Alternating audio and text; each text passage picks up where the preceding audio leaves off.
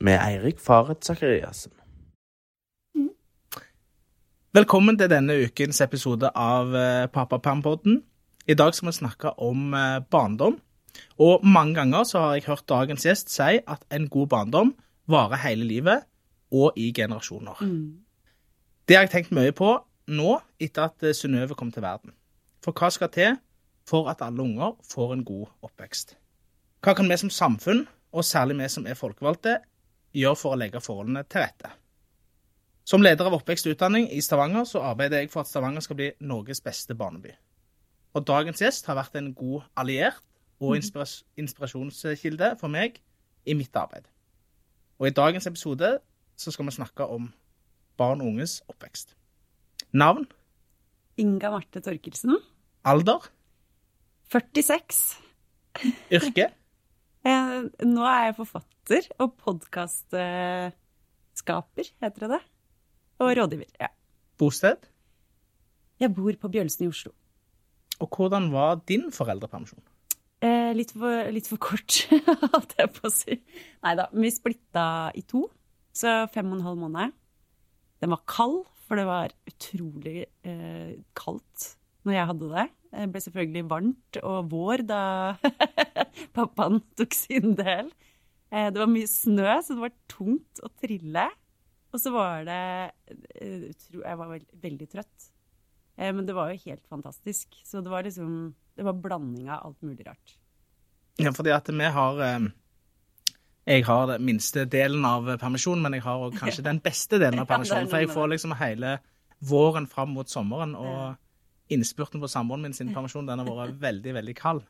Så, um, men i år så er jo faktisk pappapermen 30 år. Ja, tenk på det. Det, og jeg har hatt eh, noen gjester her som veldig Som har hatt eh, lite pappaperm. Mm. Fordi at det var jo ikke vanlig da. Nei. Og min far hadde jo ikke mye av det. Nei. Og det var jo veldig Det har jo vært en stor, eh, et stort løft, egentlig, Mm. for forholdet mellom, mellom far eller medmor og, eh, og barn, da. Veldig. Jeg tror ikke det kan eh, overvurderes, egentlig. Så det er akkurat det, hvordan fedrene har kommet på banen og fått et helt annet forhold til barna sine, og barna har fått et helt annet forhold til sine fedre, det, det varer i generasjoner, det. Mm. Ja, og det er klart at det så er det en viktig Det har veldig mye å si for likestillingen òg, tenker jeg. At Veldig en eh, mye. deler mye mer på oppgavene. Mm. Mm. Veldig mye. Men du har jo eh, et enormt engasjement for barn. Og hvor, hvor kommer det engasjementet fra? Ja, det er vel det samme som eh, det politiske engasjementet, egentlig. Det kommer eh, fra heimen, da. Kommer hjemmefra. Men eh, særlig, tror jeg, fra mamma, egentlig.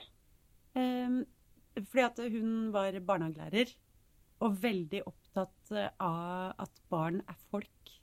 Det var liksom hennes slagord. Det har tatt over det. Ja, og det skulle nesten være unødvendig å si. Men når man ser hvordan synet på barn har endra seg gjennom tidene, ikke av seg sjøl, men fordi folk har stått på for det, eh, så kan vi bli nesten litt sånn skremt. Vi har ikke tenkt på barn som folk. Barn skulle synes, de skulle ikke høres. Barn sine meninger ble overhodet ikke respektert. I går kveld så jeg en film som heter The Quiet Girl, og så hadde jeg en samtale med Magne Raundalen etterpå. Norges kanskje fremste barnepsykolog. Eh, og mm, i den filmen så forholdt de seg jo ikke til den jenta egentlig som et subjekt i det hele tatt. Så med Barnekonvensjonen i eh, 89 og 91 for Norges del, da, så mm, skjedde det jo et voldsomt skifte egentlig i synet på barn. Og så det kommer nok til spørsmålet ditt, så kommer det mye fra liksom, de samtalene vi hadde hjemme, og den bevisstgjøringa som særlig skjedde via samtaler med mamma og hennes engasjement.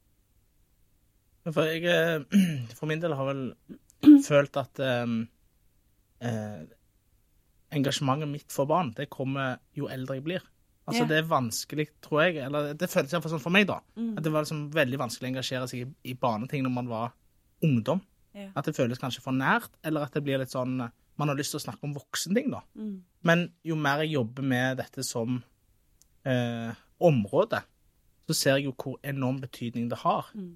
Og en setning som Kristin Halvorsen veldig ofte sa, som jeg har tenkt mye på, det er at barn og unge er 20% av befolkningen, Ja. men 100 av framtida. Mm. Og eh, den måten vi innretter samfunnet for barn, den innretter jo egentlig samfunnet for oss alle. Mm. Hvis vi lager barnevennlig samfunn, eller hvis vi tilrettelegger sånn at barns stemme kommer fram. Mm. Marianne Borgen, som er ordfører i Oslo, hun pleide å si det at eh, en by som er bra for barn, den er bra for alle. Så um, jeg tror hun har mye rett i det, da. Ja. Og det har vi, det har iallfall vi prøvd òg å, å jobbe for i Stavanger, at vi skal tilrettelegge for barn på de aller fleste arenaer. Og Så klarer vi det ikke alltid fullt ut. Nei.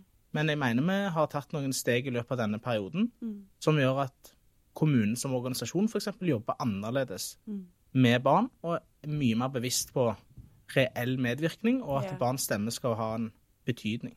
Ja, og der har du også hatt en veldig viktig rolle. For du har virkelig gått inn i det da, og prøvd å forstå hva er det dette handler om. Hva skal til for at vi skal kunne klare å høre på alle barn, og at de skal tørre å si meninga si.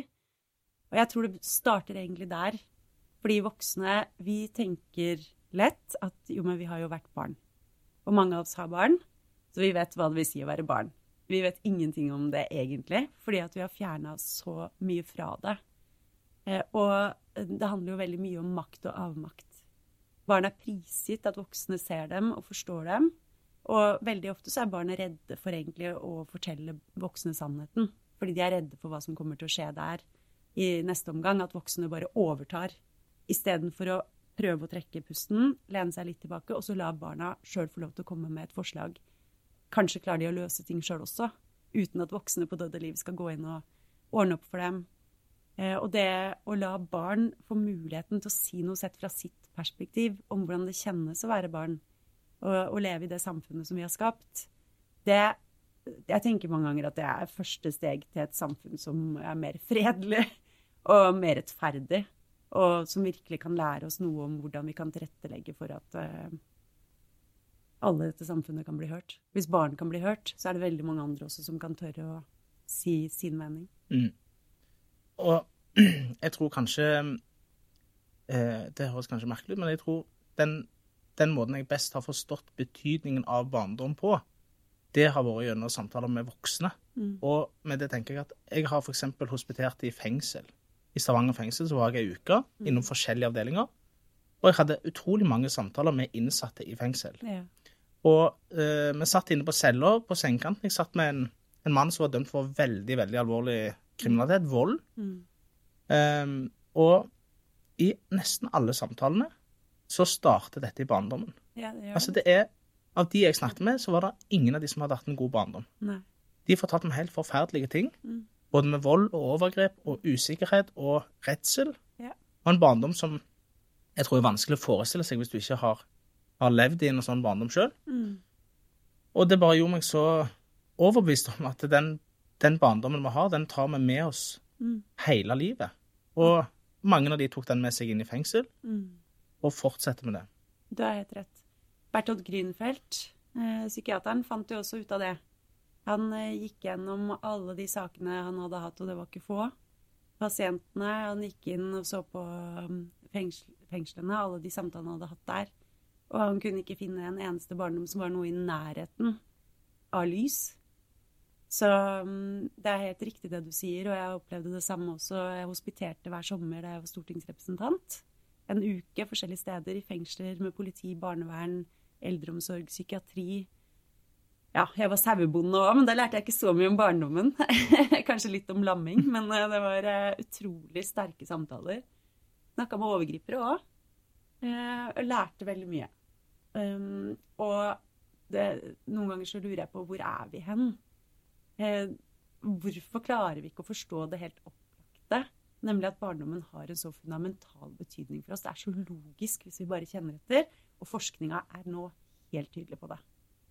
Så til, til det barnet, da, den babyen som vi starta med her, det er, det er jo en fase hvor det skjer enormt viktige ting. Eh, Det er den fasen hvor barnet knytter seg til sine foreldre. Og det må barn, babyer, menneskebarn, må gjøre det for å overleve. Uansett hvordan de blir behandla. Og det er jo det som er så Det er det som er så på en måte vondt, men også viktig da, for oss å ta inn over oss. At de barna må knytte seg. Eh, Og det betyr at eh, vi må ta vare på foreldrene deres. For det er den viktigste investeringa vi kan gjøre som samfunn hvis vi vil at disse babyene skal få en best mulig oppvekst, og også da et best mulig liv seinere. Og Der har jo dere gjort eh, noen grep når du var byråd i, Ja. i Oslo. Det gjorde vi, og det som, som også er veldig viktig å, å ta inn over seg, jeg skal si noe om det etterpå, men det er at den samme perioden hvor barna knytter seg til foreldrene sine, det er den samme perioden eh, hvor hjernen utvikler seg aller raskest. Sånn at det, veldig, de erfaringene disse babyene gjør, da, og barna gjør, eh, de oppsummerer de på en måte. De gjør en oppsummering, og så, og så vurderer de hvordan de skal forholde seg til mennesker seinere, basert på det de har opplevd veldig tidlig. Men de kan knytte seg til flere. De kan knytte seg til folk i barnehagen. De kan knytte seg til besteforeldre, søsken. Altså det er mange de kan knytte seg til. Men de aller viktigste omsorgspersonene for dem er som regel foreldrene. Og Derfor er det så sinnssykt viktig å ta vare på foreldre og vordende foreldre, sånn at de kan ta vare på sine barn. Så vi må pøse på med kjærlighet, pøse på med trygghet, pøse på med eh, innlevelse i foreldrenes situasjon og hjelpe dem til å leve seg inn i sine babyer og sine barn. Mm. Det er noe av det viktigste vi kan gjøre. Fordi at eh, et av eh, liksom flere sterke øyeblikk rett etter vi hadde blitt foreldre i fjor, da, det var jo når vi kom hjem, eller når vi dro fra sykehuset. Da, følte, da følte meg Ja. Selv om vi var to Ja. og med no, liten unge, Mm. så følte jeg meg allikevel ganske aleine. Ja. Og vi har aldri gjort dette før. Og vi har et stort nettverk rundt oss av folk som vil oss vel og hjelper oss alt det de kan. Mm. Men allikevel den der eh, Nå er det ingen pleiere rundt oss. Det er ingen som kan komme og fortelle oss eh, er dette normalt, eller bør vi være bekymra nå. Det var en sånn Jeg tenkte her la staten oss bare gå ut på egen hånd og prøve å finne ut av dette sjøl. Ja. Men vi fikk det jo godt til, og det, de, jeg tror de aller fleste gjør det, da. Mm. Men det er en sånn eh, Jeg kjente det var en veldig brå eh, overgang. Ja, og det tror jeg de fleste, om ikke alle, kjenner på. og mange har nok også litt urealistiske forventninger til hva det vil si å få en baby. Kanskje ikke tenkt over hvor lite søvn det blir, f.eks. Eh, Det tror jeg ikke jeg hadde tenkt over. Altså Når du ligger der, og så at ungen våkner for sjuende gang i løpet av en natt eh, og skal ha pupp, så blir du Du blir jo et ko-ko. Men da å ha en å lene deg på som er god for deg, og som eh, ønsker å ta del i det foreldreskapet og forstå de samme tingene som deg, som å Som er snill med meg som mamma, sånn at jeg kan orke, ikke sant, og mobilisere krefter. Det er så avgjørende. Og det er kanskje det som har vært en av mine sterkeste drivkrefter òg, at jeg har sett kontrastene, da. Mellom de som har det, og tenkt at jeg er så heldig, for jeg har det. Jeg har fått på en måte alt, jeg. Eh, og så ser jeg alle de menneskene som jeg har møtt opp igjennom, og jeg tror det har vært veldig viktig at jeg har møtt så mange av dem sjøl, og hørt historiene deres. Ikke bare lest meg til det, selv om både bøker og, og filmer og mye annet har vært viktig også som kunnskapskilder. Det å møte mennesker sjøl, så de kan fortelle meg hvordan det er, det har blitt en sånn enorm drivkraft for mer rettferdighet, da. Og så var vi litt innom på at dere har gjort noen grep eh, i Oslo når du var, du var byråd, med nettopp det med å følge opp familier i de, de aller første leveårene. Ja. Og jeg, jeg var Vi snakket litt om det òg en dag, at jeg, jeg var i, for noen år siden i København. Mm. Og de fortalte om hvor mange hjemmebesøk eh, de hadde. Jeg tror det var ti hjemmebesøk de første to leveårene. Mm. På helt sånn faste intervaller. Det skulle alle ha. Yeah. Eh, og mm, vi har ikke fått til nok på det i Stavanger, og det er egentlig noe av det jeg har lyst til å få til mer på. Fordi Mm. at eh, det var kanskje noe av det som ga oss mest trygghet, var jo når vi fikk en helsesykepleier hjem. Yeah. Og kunne veilede og snakke om ting, og, Mm. ja, og hun kunne se hvordan vi hadde det. og ja. Ja, nei, det er, eh, det er eh, den beste altså det, Hvis jeg skal gi et råd da, til lokalpolitikere rundt omkring, i hvert fall der hvor det er litt mer sentrale strøk, for det er klart det er litt vanskeligere å få til masse hjemmebesøk hvis det er veldig grisgrendt og folk bor utpå den ytterste Nøgne ø, ikke sant. Men i sentrale strøk i alle fall, det å lage hjemmebesøksprogrammer, sånn som vi gjorde i Oslo, som vi kalte for Nye familier, hvor en helsesykepleier kom hjem ikke bare etter fødsel, men før fødsel. Og det er veldig viktig. Eh, Fordi at eh, når de kommer hjem før barnet er født, første gangen, da, den første gangen du skal bli foreldre sammen, det er de som får det, og så er det de som trenger mer fordi de har sett at her er det en familie som er det er en risiko knytta til det, de har det vanskelig og sånn. Da kan man også få det for andre, tredje barn osv. Eller hvis du får barn i Oslo for første gang, og du har med deg barn fra utlandet, er innvandrer eller flyktning f.eks., da får du også hjemmebesøk, selv om du har mange barn fra før. Men det å få noen hjem til deg før barnet er født, for å prate med dere om det å bli foreldre, det er så viktig. Det er viktig, det er trygghetsskapende. Du bygger en relasjon før barnet kommer. Du kan ha fokus på dere to som skal bli foreldre. Alt fokus er ikke på den ungen som ligger og pludrer og er så nydelig eller gråter. Um, og du kan ta opp det, det, de gjør, da, disse hjemmesykepleierne i uh, Oslo. Det er at de snakker med dem om hva ønsker du å ta med fra din egen barndom og fra dine foreldres foreldreskap, og hva ønsker du å ikke ta med. Og når de gjør det på respektfulle, varme, omsorgsfulle måter, så skjer det noen ting med de som skal bli foreldre. Mange av dem har ikke i det hele tatt tenkt over hva de ønsker å ta med seg videre. Noen er kjempeklar på at jeg skal i hvert fall ikke bli som faren min eller som mora mi. Eh, men de har på en måte ikke bearbeida det. Så de risikerer å gå inn i de samme mønstrene ufrivillig. Og det å liksom få til den relasjonen, det er jo relasjonen som endrer ting. ikke sant? Det er jo ikke metoden eller at du kjører dem inn i et eller annet som skal forandre dem. Det er jo at de føler at her er det noen som virkelig bryr seg, og som klarer å få dem til å høre etter på hva som er viktig, og klarer å leve seg inn i barnet sitt. Det er det som virkelig ja, kan forandre verden. da, En baby av gangen. Mm.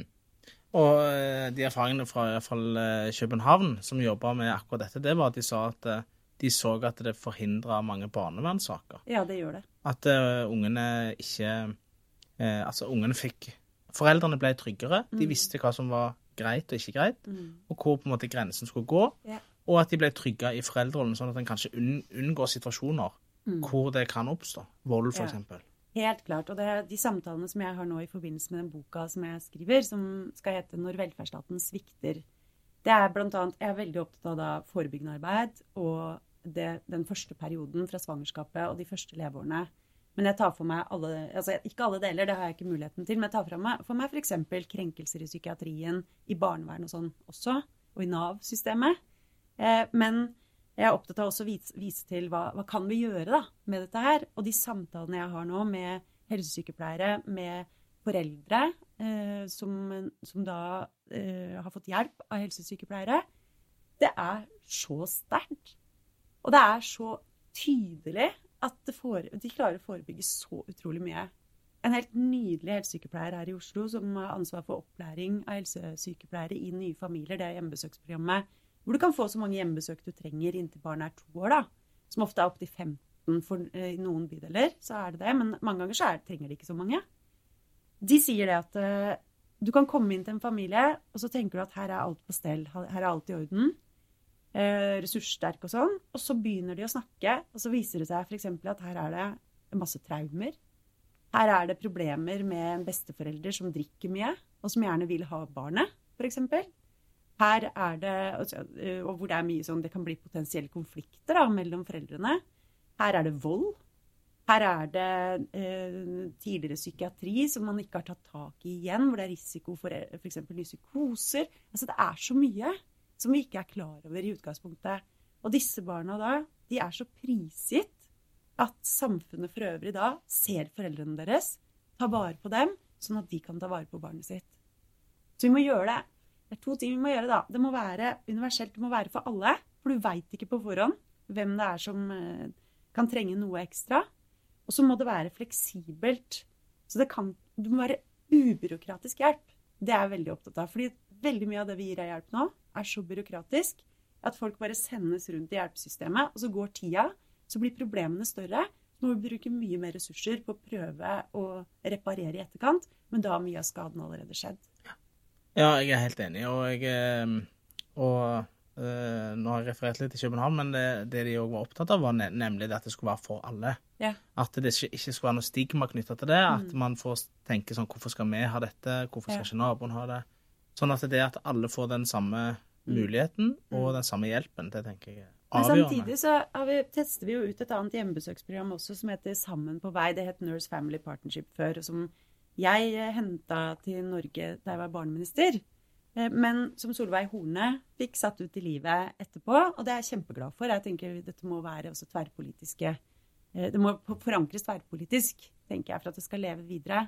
Men det prøves jo ut i ditt område. Jeg tror Sandnes er en av kommunene. Eh, Og det er risikobasert. Jeg er veldig fan av det universelle. Og så Mm. tenker jeg at vi kan godt ha både et universelt og et program som hjelper enda mer der hvor det er skikkelig stor risiko for at det kan gå ordentlig gærent. Hva var det du kalte det programmet? mer. Det heter Sammen på vei nå. Vi har Mm. bytta navn et par ganger, men nå heter det Sammen på vei. Og når det heter engelsk, så var det Nurse Family Partnership. Ja, for det har vi i Stavanger òg, nemlig. Ja, men det er det, det, er det samme, ja, sikkert. Ja, det er det sikkert Stavanger og Sandnes og litt Ja. forskjellig. Fordi de gir jo inntil 64 hjemmebesøk Mm. fra svangerskapet og til barnet er to år. Eh, og, så, og fordelen med det, det er at de kan bli en slags koordinatorer, støttekontakter nesten, som er med rundt omkring til alle hjelpesystemene. Altså det, det får de ikke til på helsestasjonen i Oslo, altså. Men det trenger de færreste også. Fordi veldig mye kan stoppes og avhjelpes hvis du har et universelt tilbud. Så er det det at det er ikke-stigmatiserende når det er for alle. Men det som jeg snakker med noen av disse helsesykepleierne om nå, det er at det, der hvor de avdekker at det er veldig mye mer, så kan de da få Sammen på vei, eller Nurse Family, til å komme inn og så virkelig liksom eh, hjelpe til med det ekstra mye ressurser der hvor det trengs. Og de har forebygga en hel haug med barnevernssaker, mener de nå. Og det finansierer jo disse tingene veldig enkelt. Fordi en barnevernssak, en omsorgsovertakelse, svindyrt. Det å satse på dette, billig investering. Og du får så vanvittig mye menneskelighet igjen. Og det er faktisk noe av det vi har prøvd, er å dytte inn enda mer ressurser der vi klarer å forebygge, der vi klarer å forhindre unger i å få en Ja. vond barndom. Ja. Og jeg må si at du har gjort veldig mye for å inspirere meg og gi meg gode ideer og innspill på, eh, på den veien. Så jeg vil jo Jeg gleder meg veldig mye til den boka de kommer, og gleder meg til å lese den. Og så vil jeg jo i denne podkasten òg anbefale din podkast, som heter 'Barndommen varer i generasjoner', som var litt det vi starta med òg. Den var veldig, veldig fin, så du skal ha all ære for å ha lagd den. Og den ga meg òg mye erfaringer som nybakt forelder sjøl. Så bra. Så jeg lærte veldig mye av den. Det er veldig veldig hyggelig å høre. Og det jeg også syns er veldig hyggelig med den, er at eh, tilbakemeldingene kommer fra så store deler av samfunnet, og også fra flere med minoritetsbakgrunn som har hørt den, som sier at å, jeg skulle ønske at min mor hadde hørt den. Jeg skulle ønske at eh, barnevernet forsto liksom, hvordan de skulle møtt oss den gangen. Eh, at de skulle hørt Kari Kilén, som jo har 70 års erfaring med å jobbe med foreldre, eller familier i risiko. Og det at vi liksom treffer at det er et enkelt språk òg. At ikke det er snobberi. For det irriterer meg at det er så mye snobbete språk som skaper så avstand, skaper fremmedgjøring og skam. Men at det er liksom det er enkelt å forstå. Det tror jeg er årsaken også til at vi i dag, i dag har passert 60 000 avspillinger av det. Ja. Gratulerer med det. Jeg tror jeg og du kunne sittet lenge og Ja, snakket om uh, dette, men uh, med dette så vil jeg si tusen takk og at du ville være gjest hos meg, og takk til deg som hører på. Tusen takk for at jeg fikk komme.